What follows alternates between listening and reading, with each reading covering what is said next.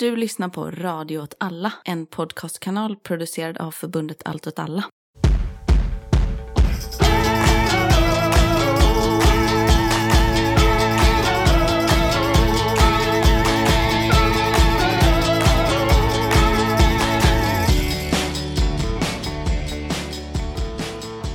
Hej, välkomna till Rörelse Udda krig och perspektiv. med mig Martin Hansson. Och med mig, Myran Andersson. Vi sitter här, regnet smattrar mot rutorna. Det är mörkt ute, det är fredag kväll. Jag har på mig dina mjukisbyxor. Men lite för stora kan jag tänka mig. De är för stora även för mig. Jag är ju en eh, lite kraftigare karl än vad du är. Det är sant. Du är klen i både kropp och själ. Eh, blandat sant. Så jag har gått genom regnet och blivit väldigt blöt i mina byxor, så jag har hängt upp dem på ett, eh, någon sorts eh, vattenblandare eller någonting här. Hängt upp dem i studion för att maximera akustiken. Just det, precis. Ja, Hur är det med dig annars? Du har varit på jobbet precis. Jag har Flitig som en liten myra är du. jobbat lite extra ikväll ja, att få färdigt en grej. Är det färdigt? Det blev färdigt, precis. Den jag jobbade för var också på jobbet och blev väldigt glad när jag kom in klockan åtta och sa nu är de här proverna färdiga. Så det var ju roligt. Kände du som en lydig, duktig liten vovve då? Du kom in där, sprang så du vet, tassarna, svansen. eh, klorna eh, skrattade. rafsade mot golvet liksom. Du gled in glad i hågen. Precis så kände jag. Nej, jag kände väl att det var bra att de här proverna kunde komma iväg till det här laboratoriet i Finland som skulle analysera dem. Jag har ju vabbat Mm. ett par dagar nu. Eh, Min dotter har varit eh, sjuk, har haft feber. Jag hatar när mina barn har feber. Så då måste de vabbas. Eller då nej, blir de nej, slöa. nej eller vad? jag eh, tycker det är obehagligt. Jag liksom, Aha. eh, gillar inte det. Minsta lilla feber. Nej, men du vet när man märker att de ändå är påverkade av det. Jag tycker liksom det är obehagligt. Man kan liksom inte göra någonting om de är svaga. Liksom, på något sätt. Det gillar inte jag generellt. Du ser mig i deras ögon. Jag känner, Precis, nej.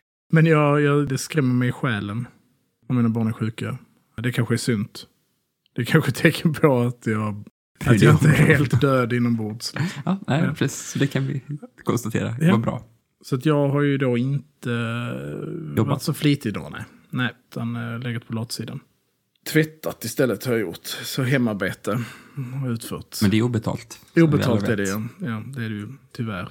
Men det Ja. kanske Ebba, Ebba ska lösa. Wages for Housewives är Ebbas kampanj, Ja, tänker du. jag kan ju dra av det på skatten på något sätt. Man får betalt i kokain av Ja. Ebba, kan man tänka sig. Ja, vad heter hon? Magå. Nu har ju vi ingen ansvarig utgivare här. så att, eh, vi får träda, träda försiktigt i det här vattnet. Ja, du tänkte så. För då, då kan man bli stämd själv. Nej, men då, ja, alltså då är det ju att då avgörs det väl i förtal i ting. Medans om man har ansvarig utgivare så är det väl typ så här. Ja, men det är någon jävla... Medienämnd, någonting, ja, det är någonting. någon sån skit liksom. Någon glasögon och skit som avgör det då. Till skillnad från med duell som är det enda rimliga rättssystemet. På tal om rimliga rättssystem så eh, tänker jag att jag kastar oss rakt in i nyhetssvepet. Och det här avsnittet kommer väl framförallt vara ett nyhetssvep, tänker vi. Vi har sagt det. Mm. Det stora nyhetssvepsavsnittet. What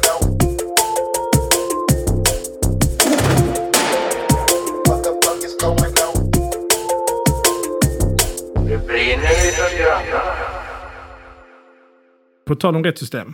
Socialdemokraterna har varit ute. Magdalena Andersson. Tuff har hållit tal till nationen. Mm. Magdalena Andersson tänkte väl triangulera på något sätt. Och vara mer moderat än Moderaterna. Tror du att det var typ att de fick höra det på läcka först? Att Moderaterna hade tänkt att typ snacka med ÖB och då bara, vi måste säga det före dem. Ja, men så kan det vara. Så sossarna har varit ute och sagt att de vill att militären ska kunna sättas in. För att bryta våldsvågen som sveper över landet. Klassiskt militärt. De brukar lösa våldsvågor. Ja, det kanske man kan säga. Ja, det, det är så mycket saker man kan kommentera om det här. Och jag känner liksom att det här brottslighet, brottsförebyggande, kriminologi och så, liksom det är ett, ett, eh, kanske inte riktigt den här poddens fält, men det berör väl lite saker och så. Men militären är ju någonstans den här uh, poddens fält.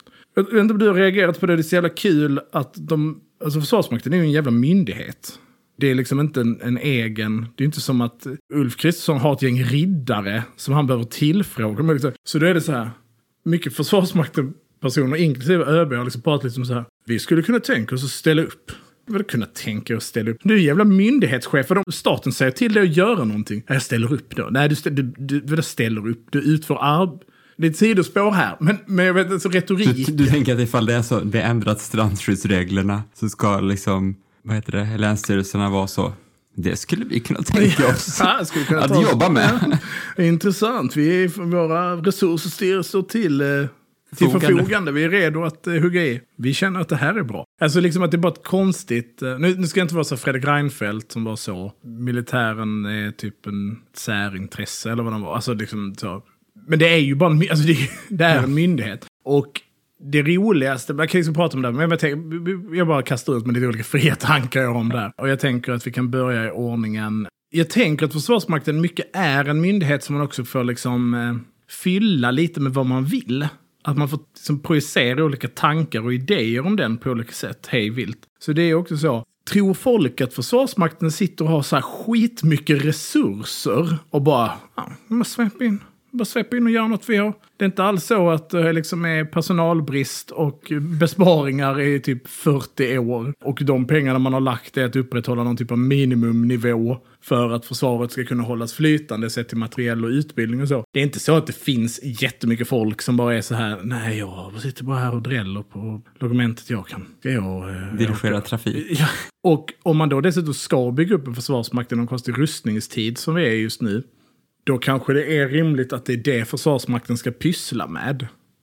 Du tycker det? Jag tycker de ska pyssla med lite av varje. Låt dem göra. Ditten och Ja, datten. de gör lite ditten och datten. Och så liksom när man är så, ja men vad är det de ska göra? Vad är det liksom för man fattar ju Ebba. För att Ebba öka tryggheten, liksom, vad ska de göra? Ja, men så här, då, ska, då är det så här, men folk, högt och lågt. Liksom från Ebba Busch bara skjuta in i olika folksamlingar.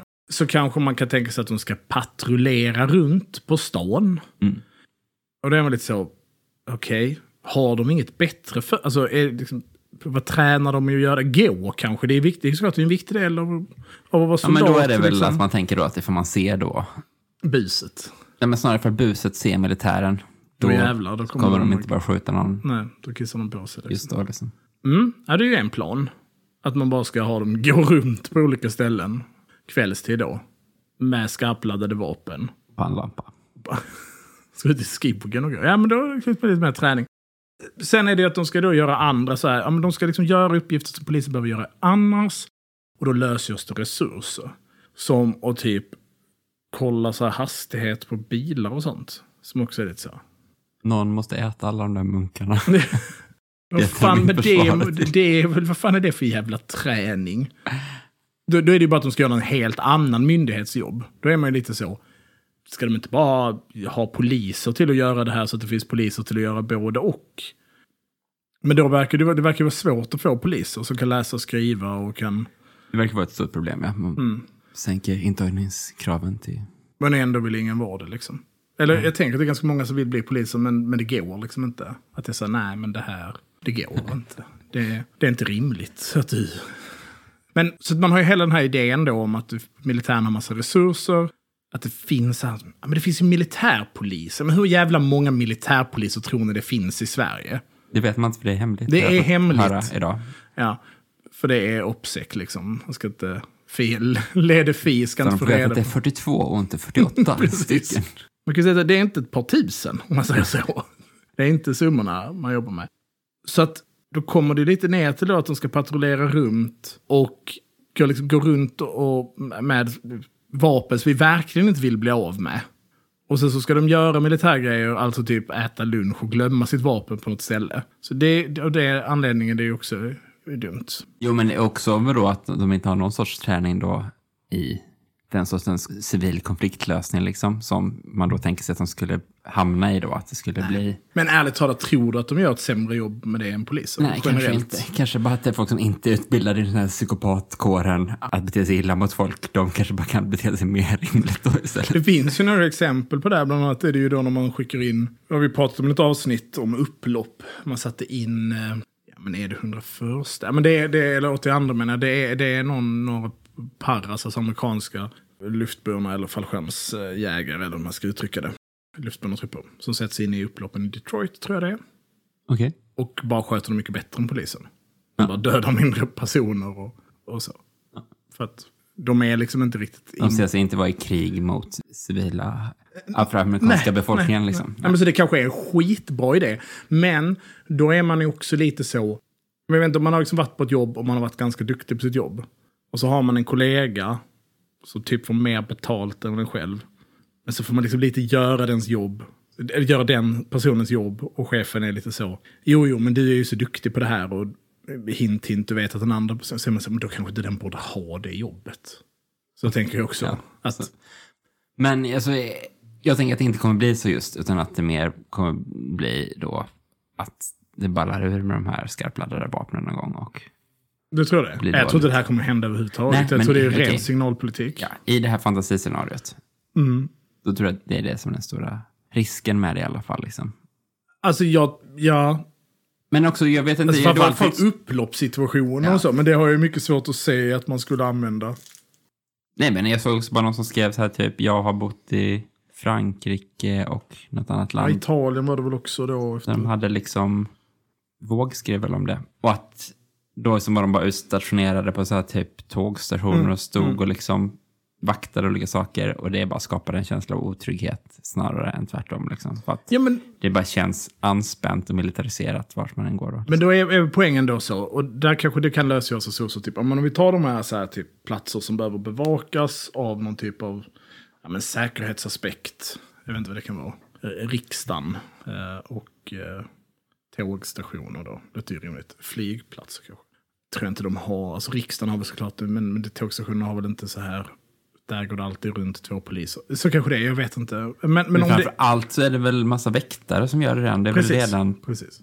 avpoliserat Ja. på något sätt. Men om det då är så att då kan militären gå in där, ha två tjommar som står där och är så. Vi snackar om så här kanske då 12 till 16 poliser i hela Sverige som frigörs av som detta. frigörs då. Liksom.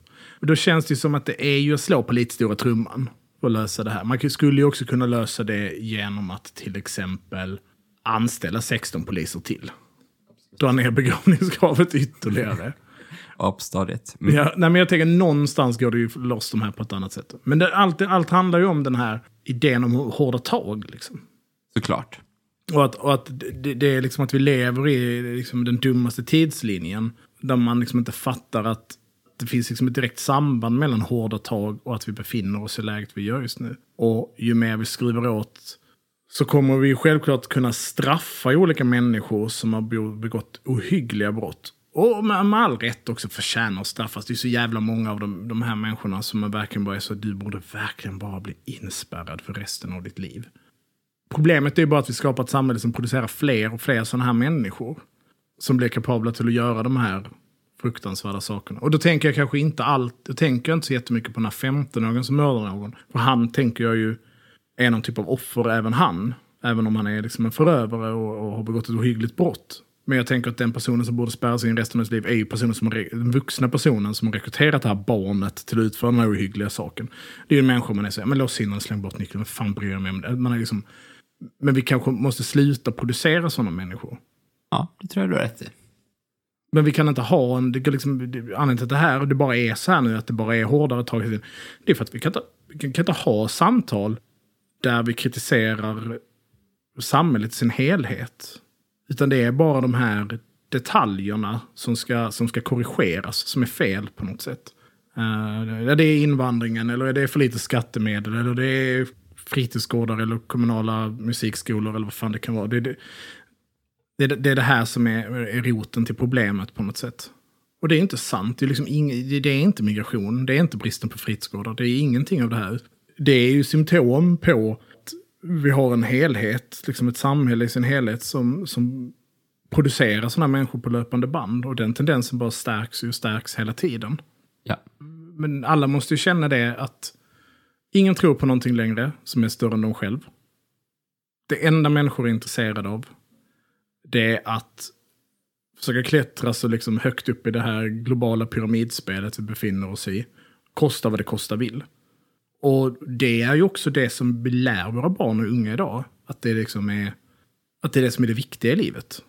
Visst, det är en extremt knäpp nyliberal influencerkultur vi lever i. Det är ändå Jo, men vi lär ju också. Alltså, det, menar, skolan lär ju barnen Jo, jo, men det är väl samma kultur liksom. Jo. Alltså, på något sätt. Alltså, som, Och Sigma grindset. Alltså, de hade bara, lärare i skolan hade ju bara kunnat stå och skrika det på barnen.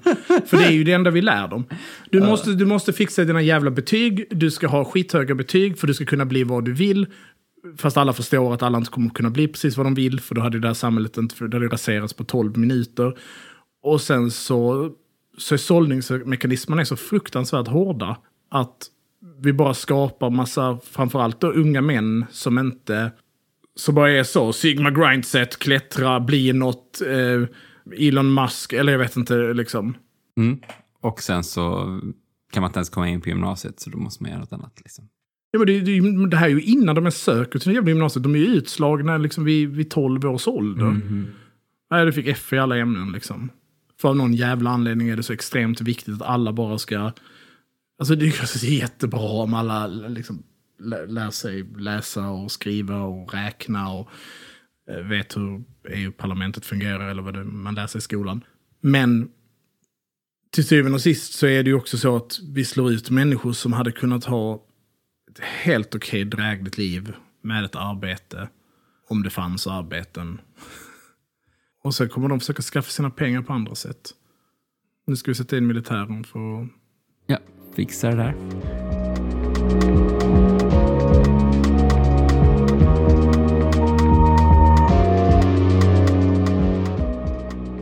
Nej, men mer inrikespolitik då kanske? Inrikespolitik. Eller, eller så här då, men NATO. Något, just det, hur går det med det? Är det gott? Eller, Det går åt helvete ja. eller bra? Fast jag vet inte. Alltså det här med Ungern är ju bara så roligt. Att de är så här typ... Respect my authority! Ja, det, det är någon sån... Europas Cartman. Ja, verkligen. Eh, och att Det finns någon Orban Cartman-grej going där. Men eh, ja, Mm. Så länge vi inte plockar ner ett UR-program som typ säger att Ungern går mot sämre tider demokratimässigt så blir vi inte insläppta i NATO. Liksom.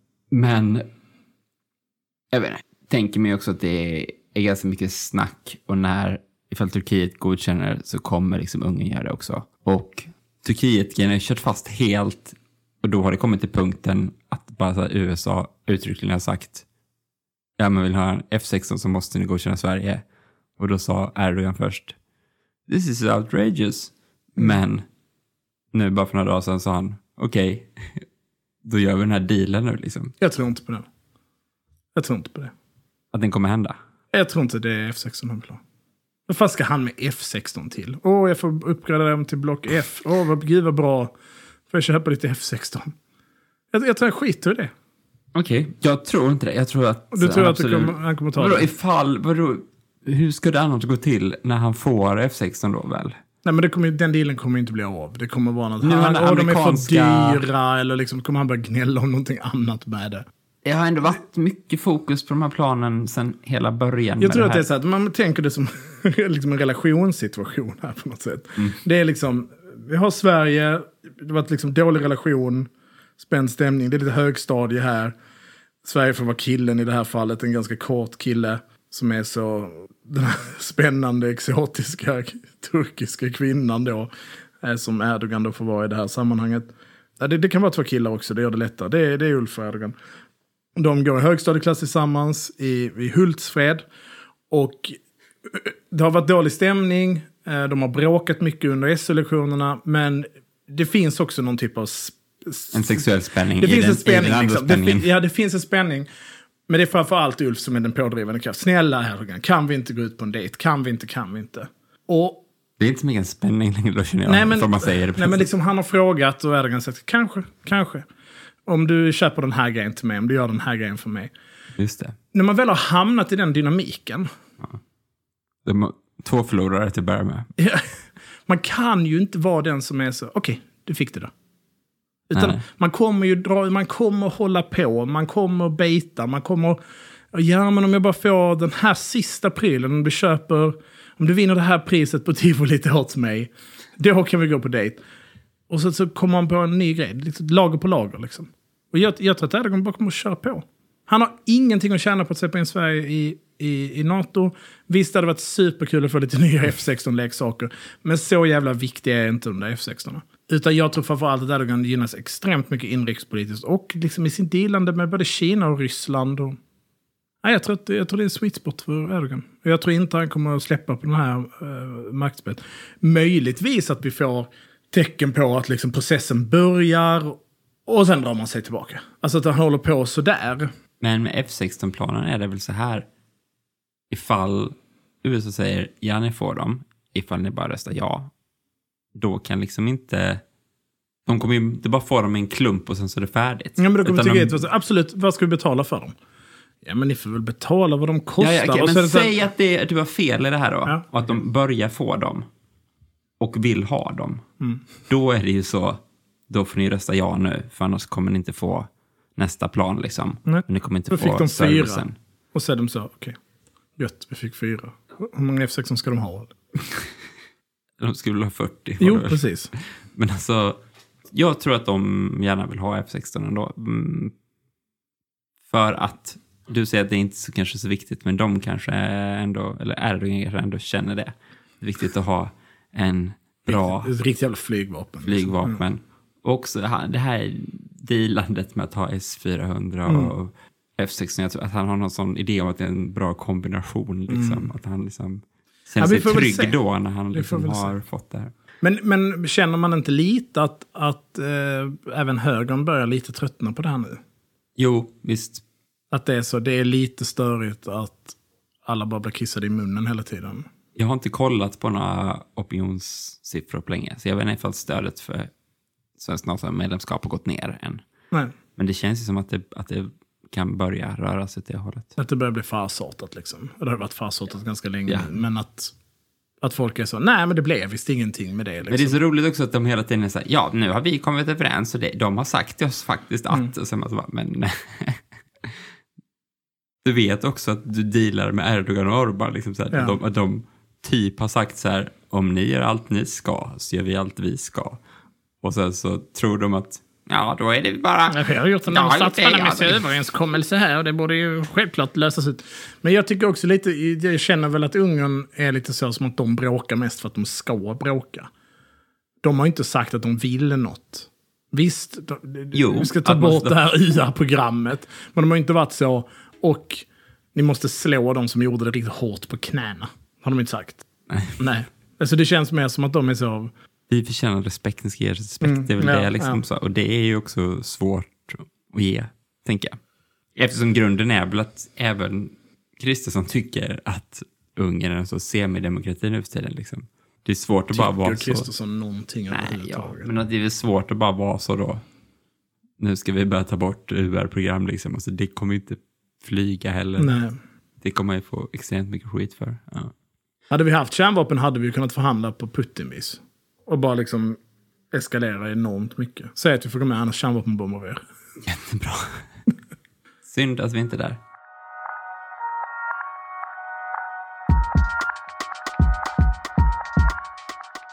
Nästa nyhet. Vad händer i Sudan, undrar alla. Alla undrar. Tryckt enormt. Hur går det med kakleveranserna nu när Prigozjin har kastat in handduken? Ja, men Det kom väl en liten tillbakakaka då, sägs det. Och det är lite svårt att veta. Just det, det här med är Ukraina och döda Wagnerfolk i Sudan. Och från början så känner man ju så, bara, det här låter ju riktigt påhittat Ja, liksom så. Sen är det Ukraina. Ja, men sen så är det väl att de här filmerna på de här drönarna, för då är det som händer att på flera platser i Sudan så körs det drönare ner i eh, Rapid Support Forces trupper, liksom, fordon mest tror jag. Eh, Technicals tycker jag det mest Ja, ser ut som. Ja, technicals. pickups med bestyckade pickups. Eh, och då är liksom, dels är inte det så här standard sättet man verkar använda drönare i det kriget generellt, men det är typiskt så man använder dem i Ukraina-Ryssland-konflikten. Kriget i Rysslands invasion. Men dels var det väl också att typ, man såg att det stod ukrainsk text på en av drönarna. Så. Då började det bli lite mer så, okej, varför har Sudans statsarmé helt plötsligt ukrainska drönare så här? Det har de inte haft innan liksom. Det kan ju finnas någon faktisk koppling i detta. Men också lite, jag har liksom också läst om det här, känner man lite, har Ukraina drönare nog för att skicka det till Sudan för att göra tillbaka kaka mot Wagners kompisar i Sudan? Alltså, Det är det som känns lite shady då. Men det skulle väl också kunna vara så att Sudan bara har köpt dem, liksom, köpt in den här tjänsten. Det är också så att eh, Al-Buran och Zelensky har haft ett möte nu nyligen, där Zelensky också var så här typ, vi har båda två gemensamma intressen att bekämpa väpnade grupper som finansieras av Ryssland. Det har vi pratat om på vårt möte. Och typ Sudan sa väl inte officiellt vad deras möte har handlat om. Liksom. De bekräftar inte det, men de bekräftar att man har haft det här mötet. Liksom, precis. Eller ledare emellan då liksom. Det knyter ju också in lite till det. Och, och då är det ju ändå konstigt liksom för att innan inbördeskriget i Sudan så hade ju Sudan och Ryssland deals liksom going on. Och det var det här med att Ryssland skulle få ha en flottbas i Port Sudan, vad det nu kan heta på svenska. Eh, och det kanske var en deal också som var då mer med, med RSF liksom och när splittringen hade blivit så som liksom Ryssland genom Wagner på något sätt mer valt den andra sidan. Och då så kanske också staten switchar på något sätt och mer blir benägen att ha med Ukraina att göra. Men man kan säga om kriget generellt i Iran att det verkar bara fortgå och ingen vinner riktigt. Och liksom eh, RSF håller eh, Darfur och så liksom. Och stora delar av Khartoum och där kanske de också gör framsteg liksom på något sätt. Men i övriga landet så är det bara stillestånd och att liksom statliga militären håller ju liksom mesta delen av landet fortfarande. Liksom så. Och framförallt de östra delarna och, och kusten och så har ju liksom RSF inget, inga framgångar i. Liksom. Men jag tänker att det här liksom med, om det nu är ukrainska drönare eller hur det hänger ihop, knyter ju an till den här diskussionen om att Ukraina på många sätt känns mer KGB än vad FSB gör. Ja, absolut. Och det knyter ju an till den här andra diskussionen som ju ingen pratar om längre. Ingen pratar ju om Nord Stream. Um, jag läste att SvD för, nyligen i slutet av eh, augusti var så. Alltså det är ju Ukraina som har sprängt Nord Stream. Mm. Alltså det är liksom ingen... Nu har vi kommit fram till det. Det är så. Ja. Liksom. Och jag menar SvD är väl inte så där ryssvänner direkt. Om man uttrycker sig på det sättet. Nej. Och det bara blev... Ja, det är ingen grej. Nej, Nej. ingen snackar så mycket om det där. Nej. Och det är inte så... Låt oss lägga det där gamla tråkiga bakom oss. Mm. Och, Och att Ukraina har gjort det utan tillåtelse från USA känns otroligt osannolikt. Eftersom att så här, om det här framkommer, hur påverkar det er vilja att stödja oss och så vidare. snarare känns det som, alltså Biden hade ju det där snacket om vi kommer spränga Nord Stream om, om We will stop it. Om- How? We will stop it. Eller vad man nu sa. Men, men precis, att liksom, det, vad är det för jävla specialoperation? På någon segelbåt, Ad- Andromeda, har eh, eh, liksom tagit sig ut. Du tycker att det är kackigt? Nej, tvärtom. Jag tycker att det är precis så man tänker sig att Ryssland borde hålla på. Ja, ja visst. Mm. Och när de omdirigerar de här jävla flygplanen som ska eh, landa i Minsk och så hamnar de i Kiev istället. Eller hur fan det nu är när de griper olika, lurar Wagner folk och erkänner olika brott och så. Alltså att den ukrainska säkerhetstjänsten gör detta, är det du Ja, säger? precis. Att det är typiskt dem att hålla på med så här roliga, konstiga, snirkliga planer. Ja. Som att då liksom eh, lulla åt att man skickar ner någon jävla drönaroperatörer och ett gäng drönare till Sudan för att liksom jävlas med Wagner på något sätt. Känns väldigt Ukraina. Ja. Eh, på tal om Ukraina. Hur går det i Ukraina? Det är, Ukraina fortsätter ta lite mark. Läste att eh, ISV, Ja, Institute for Mm. Study of War, va? ja, som jag har sagt i den här podden tidigare. De brukar väl ändå ha ganska objektiv rapportering. Nej, fy fan, de är så jävla jag vill äta upp nu då. Ja. Nej, de skrev så här. Eh, en orsak till att Ryssland har hållit hela linjen mot Ukraina är att Putin använder en list som är att det ska se ut som att det går dåligt för Ukraina genom att hålla hela linjen. Så att, så att det, det ska verka som att vi vinner. Och hur ska vi göra det? Genom att vinna. Om vi, att- vi ska Då försvara kommer det. folk att tro att vi håller på att lyckas så- ifall vi lyckas. Så jävla bra plan. Bara så- Psykologi. om det går dåligt för Ukrainas motoffensiv, då kommer folk tänka så, shit det är inte värt att satsa på Ukraina. Så om vi bara håller linjen. Men till deras försvar så är väl det de menar är att Ryssland till en orimligt hög kostnad har valt att hålla de initiala positionerna, de framskjutna positionerna de egentligen kanske borde ha försvaret i djupet istället. Men det, framstod, det de skrev framstod verkligen som att Putins 5D-schack var att han hade beordrat sina soldater att försvara sig. Men det, det förutsätter ju då på något sätt att det här som de håller på med nu är helt ohållbart och kommer kollapsa inom en snar framtid. Ja.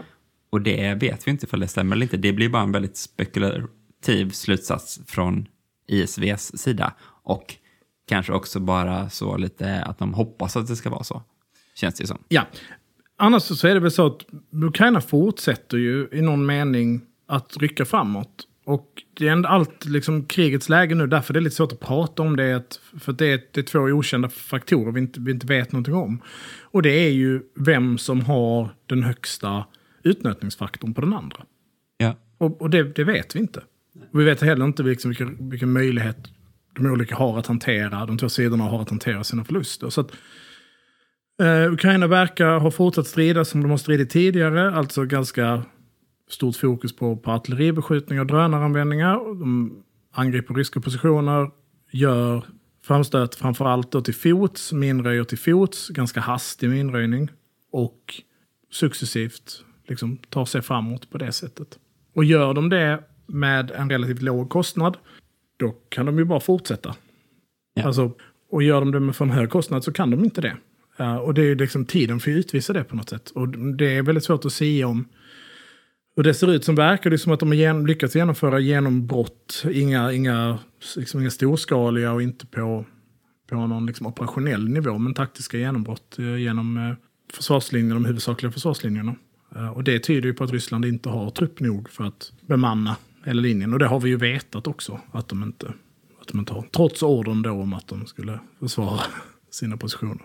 Men hur mycket vet man att de är igenom? Och bety vad betyder det då liksom? Nej, jag till och med läste så här, nu är de igenom den sista försvarslinjen, eller Mm, tredje mm, försvarslinjen eller någonting. Finns det liksom då bara en gata man kan fortsätta åka in genom? Eller är det så, vi har varit där och vänt en gång? Eller vad, vad betyder de sakerna liksom? Alltså, vad... Alltså de, de betyder ju, det är här skala spelar roll liksom. Är det tillräckligt stort genombrott med tillräckligt säkra leder, då kan det betyda extremt mycket. Det tycks inte ha skett. Eh, är det för få personer eller väldigt liten, i väldigt liten skala så är det ju personer som blir avskurna. Mm. Då är man ju helt plötsligt inom räckvidd för allt ryskt artilleri. Man kan väldigt lätt omringas och så vidare. Men det tyder ju någonstans på att, på att Ryssland inte har förmågan att eh, fullständigt eh, försvara. Men håller de liksom en position som är genom den här tredje linjen då? Eller vet man det alls? Nej, det vet man Nej. inte. Nej. Och det- ifall man gör det så kanske man bara grävt ner sig där precis efter man har kommit in då liksom på något Ja, sätt. och så måste man ju säkra upp då att kunna få fortsätta få ammunition till exempel. Och sen kunna leda in förband som kan börja verka på avstånd. Och alltså når de Kertjbron, kommer de så långt djupt ner så att de når Kertjbron med HIMARS-systemen, då har ju Krim feta problem. Mm.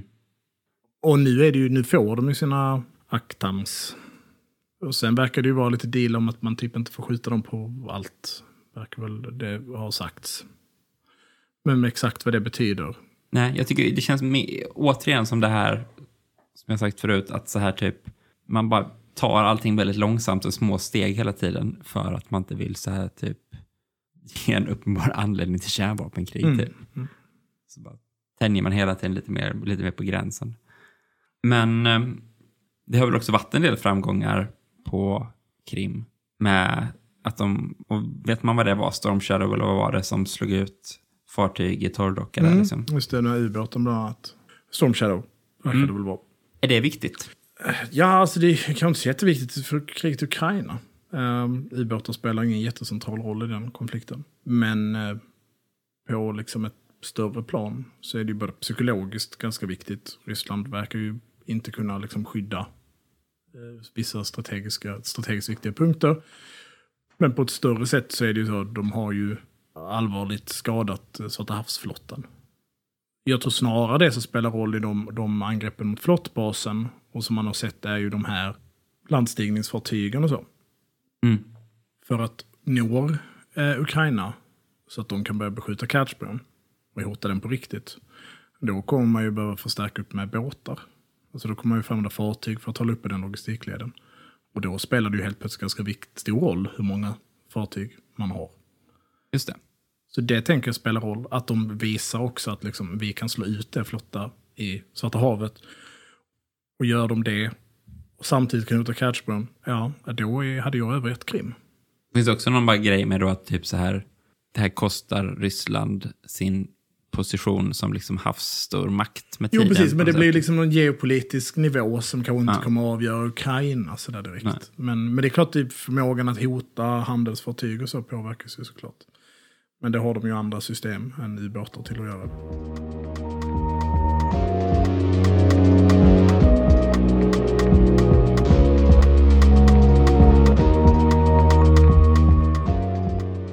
Ja, vi, förra avsnittet handlade ju om Nagorno-Karabach.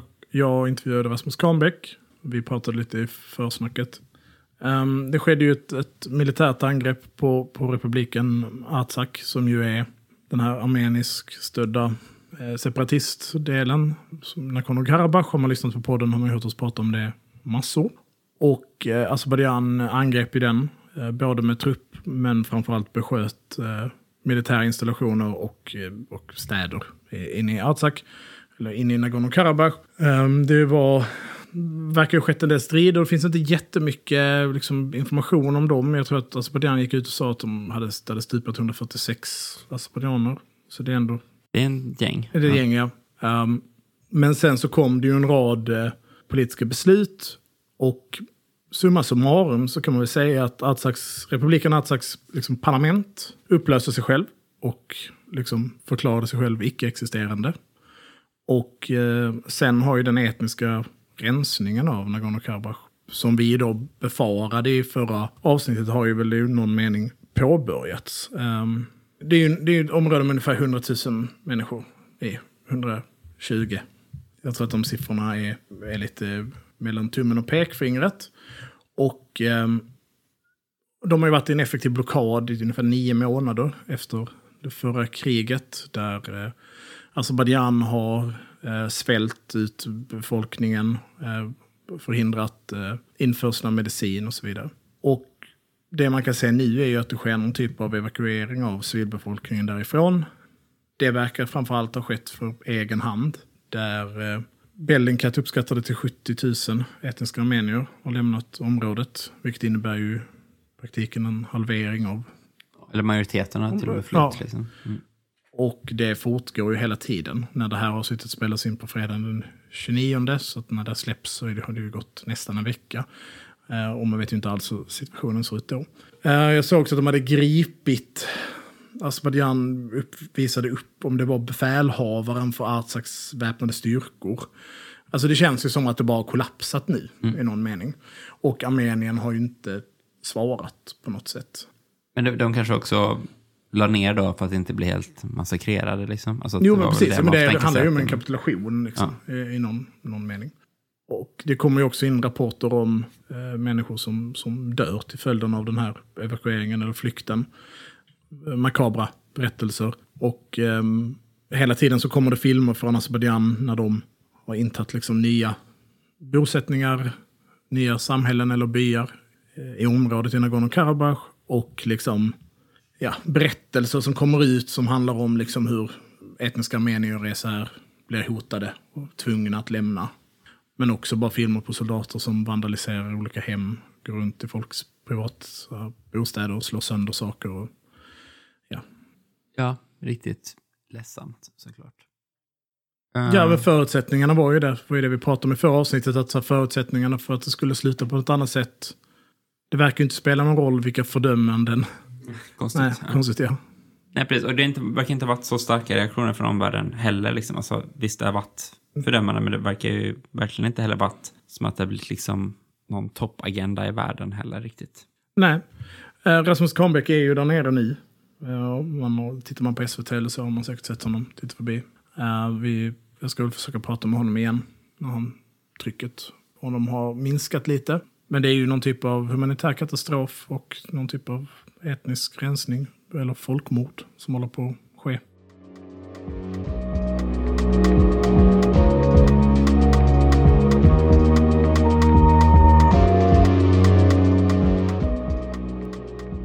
Kanada har varit i blåsväder. Ja. ja. Jag har faktiskt inte stenkoll på den här historien, men det var väl typ eh, Zelensky är och besöker Kanadas parlament då finns det någon gubbe på åhörarplats som talmannen typ har blivit introducerad för tidigare, att han kommer från hans distrikt eller någonting. Och han är en ukrainsk veteran från andra världskriget. Aha, tänker talmannen. En hjälte, en veteran från andra världskriget. Och då säger han så här typ, alla kan stå upp och applådera för vi har en ukrainsk hjälte från andra världskriget här. Så gjorde de det, alla, för man bara trodde ju på honom. Så visade det sig att, ja, ja, han var en ukrainsk soldat från andra världskriget. Problemet var att han slogs för SS då. Ja, Ja, det är en ganska bra sammanfattning. Det, det är eh, talmannen då för, för underhuset i Kanada. Hade ju då bjudit in den här veteranen, andra världskrigsveteranen, Jaroslav Hunka. Som då hade stridit hjältemodigt. Det visade ju sig då att han, han var ju då från Waffen grenadierdivision, där SS, eller då första Galicien-divisionen. Som ju var ett, eh, ett gäng tjecka killar som eh, pysslar med olika SS -grejer. Deras brott, för de har ju begått en del eh, fruktansvärda krigsbrott, verkar framför allt vara riktat mot polacker. Så det här hade väl också en effekt på liksom de polsk-ukrainska relationerna som för närvarande håller på att gå på röven. Ja. Eftersom dels då så har Ukraina pushat för att de ska få sälja sitt spannmål till Polen via typ landvägen nu när sjövägen är blockerad. Och då tycker polska bönder att det är för jävligt eftersom priserna dumpas ju då i Polen. Och samtidigt så har den här utredningen visat att den här roboten som störtade på någon marknad, eh, eller vad det nu var, och dödade typ 15 pers, var en ukrainsk sådan och inte en rysk. Så de två sakerna har väl gjort att det blivit lite frostigare relationer. Jag började ju då läsa runt om det här så. Vad fan är grejen med det här liksom? Är det här en stor grej? Eh, det verkar som att Kanada har lite problem med Nazistflyktingar. ja, framförallt ukrainare. Okej. Eh, och det var kanske var att när man då stack så var Kanada liksom ett av ställena man kunde dra till. När loserserna i SS. Det var Argentina och Kanada. Ja men det kanske för ukrainarna kanske det var Kanada då, med som var aktuellt. Eh, så det verkar ju finnas en del monument och så i Kanada. Alltså riktiga monument. Som de bara fick bygga då.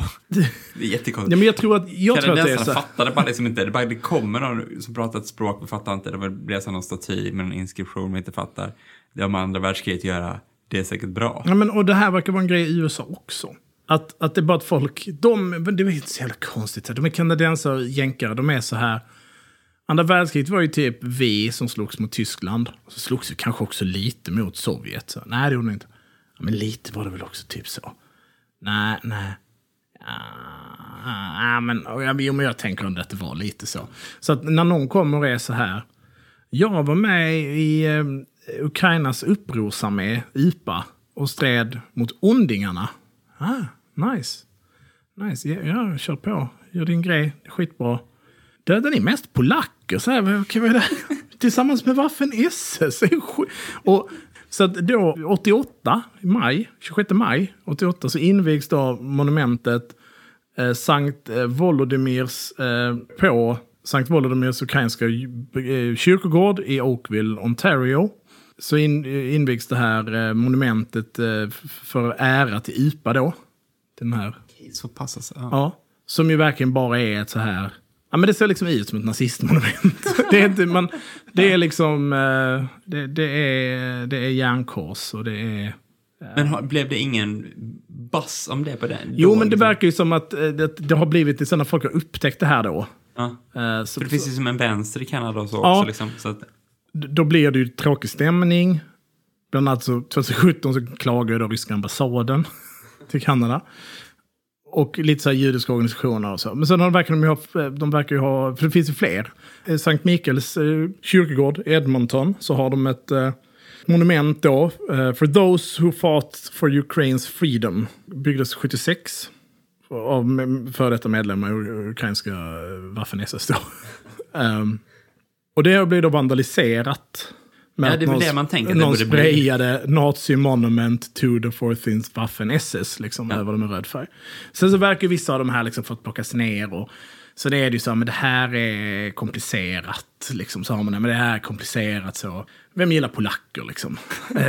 Eh, Eller något, jag vet inte riktigt hur diskussionen har sett ut. Men det var ju, blev ju, blev ju eh, pinsamt då ja.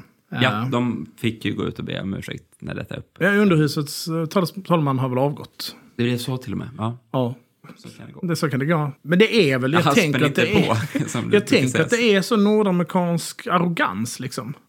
Ja. Att de bara fan inte har koll. Sen verkar det vara en grej i Kanada också. Att de bara har... Men jag tänker att har man sen, jag vet inte alls, men jag bara tänker att de kanske har kanske en stor ukrainsk diaspora i landet liksom. Mm, säkert. Och då är det så, ja, ja de håller på med sin grej. Fan, jag vet väl inte vem, vem Så de de gillar eller... Jag ville bara säga att de hade också, de har ju döpt ett berg efter Petain. Petain, jag vet inte varför jag säger det så, men Petain, han var ju Vichy... Jo, men det är ju för att Petain var ju under första världskriget så var ju han en eh, liksom framstående slaget om Verdun och så. Där kanadensarna var ju med liksom. Mm. Men så bara hade de kvar det namnet så här efter att han då blev kollaboratör. Och så faktiskt, ska det verkligen heta det fortfarande? Nej. Sen så, det finns fler. Ehm, det är någon sån rasbiolog som de har döpt någon park till och så. Och så är det mycket med, med eh, Chetniks, heter de så? Det vet inte jag. Alltså Jugoslavien, Ah, ja, okej. Hitlers kompisar. Um, skitsamma. Uh, Siker, uh, sikmord. Det har ju också hänt i Kanada, va? Och då har Kanada efter ett tags utredande kommit fram till att det är antagligen den indiska staten som ligger bakom detta. Och då har det blivit lite dålig stämning mellan just den indiska staten och Kanada. Så de säger det har vi absolut inte åkt och mördat någon hos er, hur vågar ni säga det? Eh, jo, men vi har lite bevis som tyder på det. Och så, så, ja.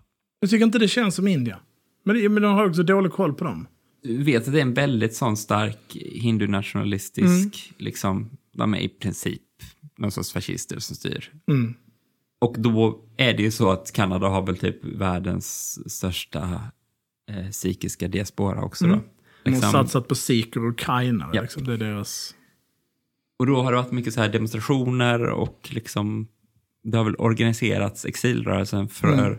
det fria Khalistan har väl organiserats från Kanada då i stor utsträckning. Och då var väl det här någon framträdande liksom ledare för det som blev skjuten utanför ett tempel. Är det värt det? Jag bara tänker på det. Är det värt de morden liksom?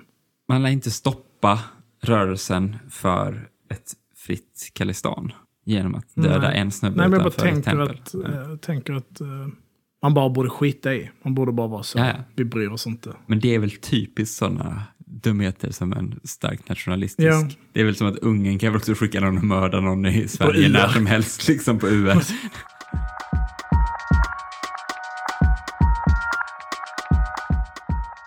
Jag hade absolut tänkt prata om Niger också. Det blev ingen invasion. Ecowas. Eh, Än. än. Men det verkar väl också ganska off nu, tycker Ja. jag. Det, det är min vibb. Eh, idag har det slutits ett avtal mellan Burkina Faso, Niger och Mali som heter typ Sahel Corporation. Nej, jag minns faktiskt inte vad det heter. Men det heter något där de bara gjort en deal så vi ska inte attackera varandra, vi ska försvara varandra. Ingen av oss får ha en rebellgrupp som attackerar de andra inom sitt eget land. Typiskt grundförutsättningar i en allians. Mm. Det kändes inte som att det fanns något mer, så mycket mer avancerat i det. Liksom så. Men det, det är dealen.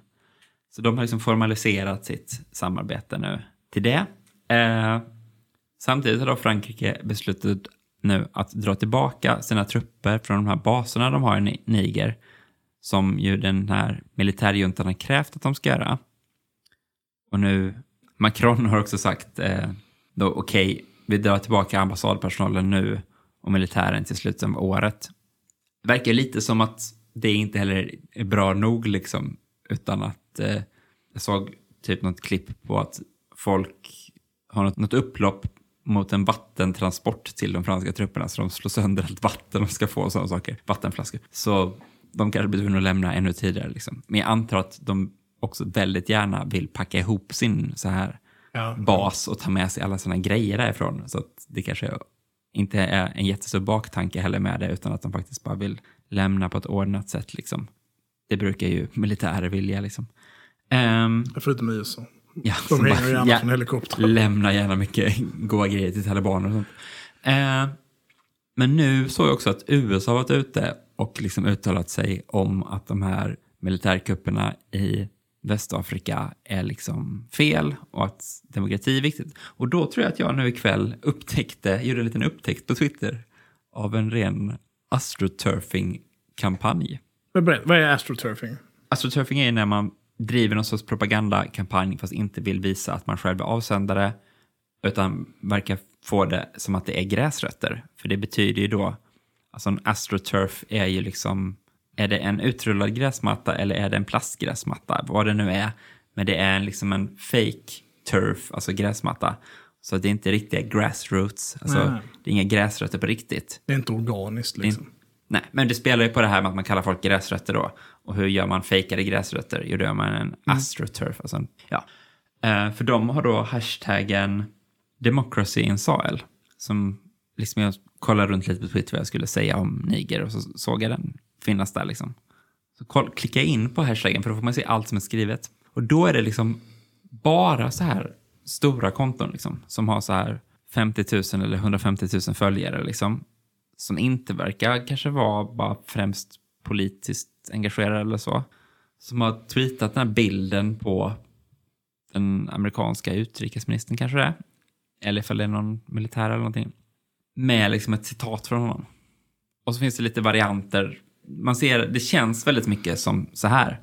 Hur ska vi få, för de vet ju liksom att så här, den här rörelsen i Västafrika mot liksom fransk dominans och sånt, mot Frankafrik, vad- hur man nu säger det, mot fransk postkolonial kolonialism liksom, i Västafrika, har ju varit mycket social media liksom, centrerade. De har använt olika hashtags och. Så jag tänker mig att de tänker så här, vi ska göra samma sak nu, fast mot juntorna, liksom, för demokrati. Då, liksom. Och då har man liksom bara hört av sig, man har liksom letat upp ett gäng stora konton, Twitterkonton i regionen. Och så har man DMat dem och sagt så här, ni får 100 dollar ifall ni tweetar den här bilden. Och så har vi den här listan på fem olika citat. Välj ett av dem och bara gör detta. Så får du pengar. Och så ska du gå in och lajka och kommentera på de andra som också gjort det. För när man läser liksom kommentarerna så är det extremt så platta. Yes, democracy is the best. Punkt. Liksom så här. Vem skriver så? Liksom? Alltså så här. Eh, och så är det typ samma konton som kommenterar fram och tillbaka på varandra. Så det tänker jag att här har jag hittat en amerikansk riktigt billig påverkansoperation på Twitter. Tyckte det var roligt. Det var kul. Ehm, det går väl också sådär för Wagner i Mali. Jag såg att en IL-76 hade störtat för typ en vecka sedan. Och uh, tuaregerna är liksom eh, i full action.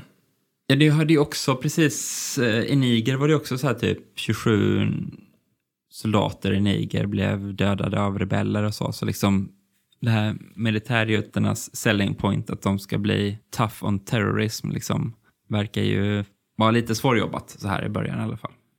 Det är inte så lätt. Nej, det är det inte. Det är svåra frågor. Det är det. Det är svåra frågor. Och med det ehm, så behöver vi avrunda. Ehm, tack så jättemycket för att ni har lyssnat. Verkligen. Alltså, Tack. Jag Ni har har- lyssnat hittills. Är Ja, helt ja, det är otroligt. otroligt. verkligen en, eh, en insats. Ehm, tack Lovina för att du klipper. Stort tack. Och är man Patreon så får man jättegärna skicka nyhetsartiklar. Vilken jävla nyhetsartikel som helst. Om ni vill höra eh, oss eh, kommentera innehållet i dem. Precis. Vi tänkte liksom göra samma sak som det här ganska misslyckade nyhetssvepet ska vi göra som vårt Patreon-avsnitt. Precis. Fast konstigare då, Ja, precis. målet. Ja. Man eh, får gärna följa oss på Twitter. Där heter jag Trojkan1337 och det heter ett slukhål. Man kan följa oss på Facebook, där är det Eld och rörelse. Man kan följa oss på Instagram, där heter vi eld.och.rorelse. Och ehm, För vi tror på Twitter-kollapsen så finns vi på Blue Sky också. Vi har ändå jag- börjat använda det lite grann va? Jag använder lite då och då. Där heter jag Martin Hansson. Det heter Myran. Inte svårare än så. Eh, väl kämpat alla lyssnare. Big Up Göteborg som verkar ha ockuperat ett hus ikväll. Såg jag på Twitter precis nu. Vad kul för dem. Ja, hej då! Hej då!